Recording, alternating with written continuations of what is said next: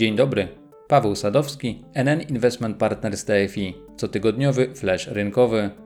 W poprzednich komentarzach wspominałem o tegorocznej reaktywacji zainteresowania giełdą papierów wartościowych w Warszawie. Choć w sierpniu bieżącego roku napływ inwestorów do domów maklerskich stracił nieco swój impet, to i tak liczba rachunków maklerskich zwiększyła się od początku roku o ponad 90 tysięcy. Jest to najlepszy wynik od 10 lat.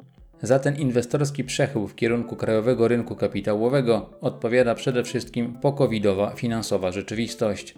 Gwałtowne marcowo-kwietniowe spadki cen akcji notowanych na rodzimym parkiecie zwróciły uwagę uczestników rynku, którzy z powodu dynamicznych obniżek stóp procentowych Narodowego Banku Polskiego zaczęli szukać innych od depozytów bankowych możliwości lokowania swoich nadwyżek finansowych.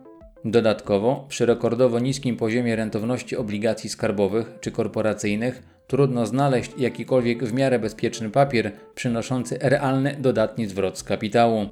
Dlatego przecenione akcje zaczęły zyskiwać na popularności. Zainteresowanie udziałowymi papierami wartościowymi powinno być kontynuowane w kolejnych miesiącach, między innymi ze względu na tegoroczny wysyp ofert pierwotnych akcji, w kierunku których popłynie najprawdopodobniej wartki strumień inwestorskiego kapitału. Przy okazji, o czym również wspominałem w poprzednich podcastach, wzmożone zainteresowanie giełdowymi debiutami może odciągać kapitał od już notowanych spółek i wywierać presję na wzrost indeksów akcji. Niewykluczone, że to zjawisko przybiera już na sile od kilku tygodni i to nie tylko w odniesieniu do krajowej giełdy papierów wartościowych. Na innych rynkach też trwa nadrabianie covidowych zaległości w odniesieniu do ofert pierwotnych. Debiuty giełdowe spotykają się z zainteresowaniem inwestorów, które rośnie wraz z pozytywnym bilansem spółek, na których giełdowej inauguracji można było zarobić. Oczywiście w ostatnim czasie to nie tylko chęć pozyskania kapitału z rynku na zakup akcji w ramach ofert pierwotnych przekłada się na korektę indeksów akcji.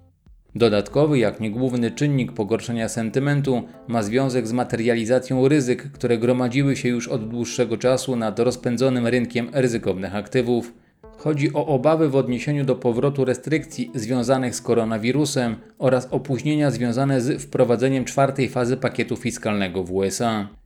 Warto mieć jednak świadomość, że choć z jednej strony strach związany z ponownym wprowadzeniem restrykcji i ograniczeń aktywności gospodarczej był generatorem obaw o bezpieczeństwo kapitału, to z drugiej strony taka ewentualna wizja powrotu do pracy z domu powinna znaleźć pozytywne odzwierciedlenie w wycenach akcji spółek sektora technologicznego, które są beneficjentem tego typu społeczno-gospodarczej egzystencji.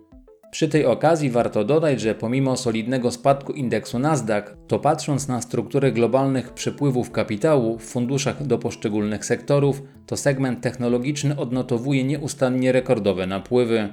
Natomiast pozostałe kluczowe sektory rynku, z wyłączeniem szeroko pojętej branży medycznej, odnotowują znikome napływy. Innymi słowy, kierunek inwestorskich preferencji jest jeden i pomimo negatywnego zachowania wycen nie uległ zmianie. Na koniec, powracając do krajowego parkietu, to chciałbym wspomnieć o rynkowej ciekawostce.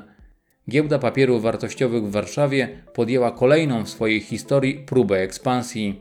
Wcześniej miała już miejsce nieudana przymiarka do fuzji z giełdą wiedeńską oraz podejście do przejęcia rynku izraelskiego i słowackiego. Tym razem wybór jest bardziej egzotyczny. Chodzi o giełdę armeńską. Z perspektywy GPW potencjalna wartość transakcji zakupu 65% udziałów w tamtejszej instytucji odpowiadającej za obrót papierami wartościowymi jest niewielka, niecałe 4 miliony złotych. Wspomnianą kwotę trudno porównać do skali działalności operatora warszawskiego parkietu, który w pierwszym półroczu bieżącego roku miał prawie 200 milionów złotych przychodów oraz prawie 73 miliony zysku netto. O małej skali działalności armeńskiej giełdy świadczy również to, że na koniec lipca notowanych było tam tylko 11 spółek o rynkowej wartości 310 milionów dolarów. Dodatkowo w zeszłym roku dokonano na tym parkiecie zaledwie 65 transakcji, których łączny obrót wyniósł 4,6 miliona dolarów. To tyle na dzisiaj i do usłyszenia.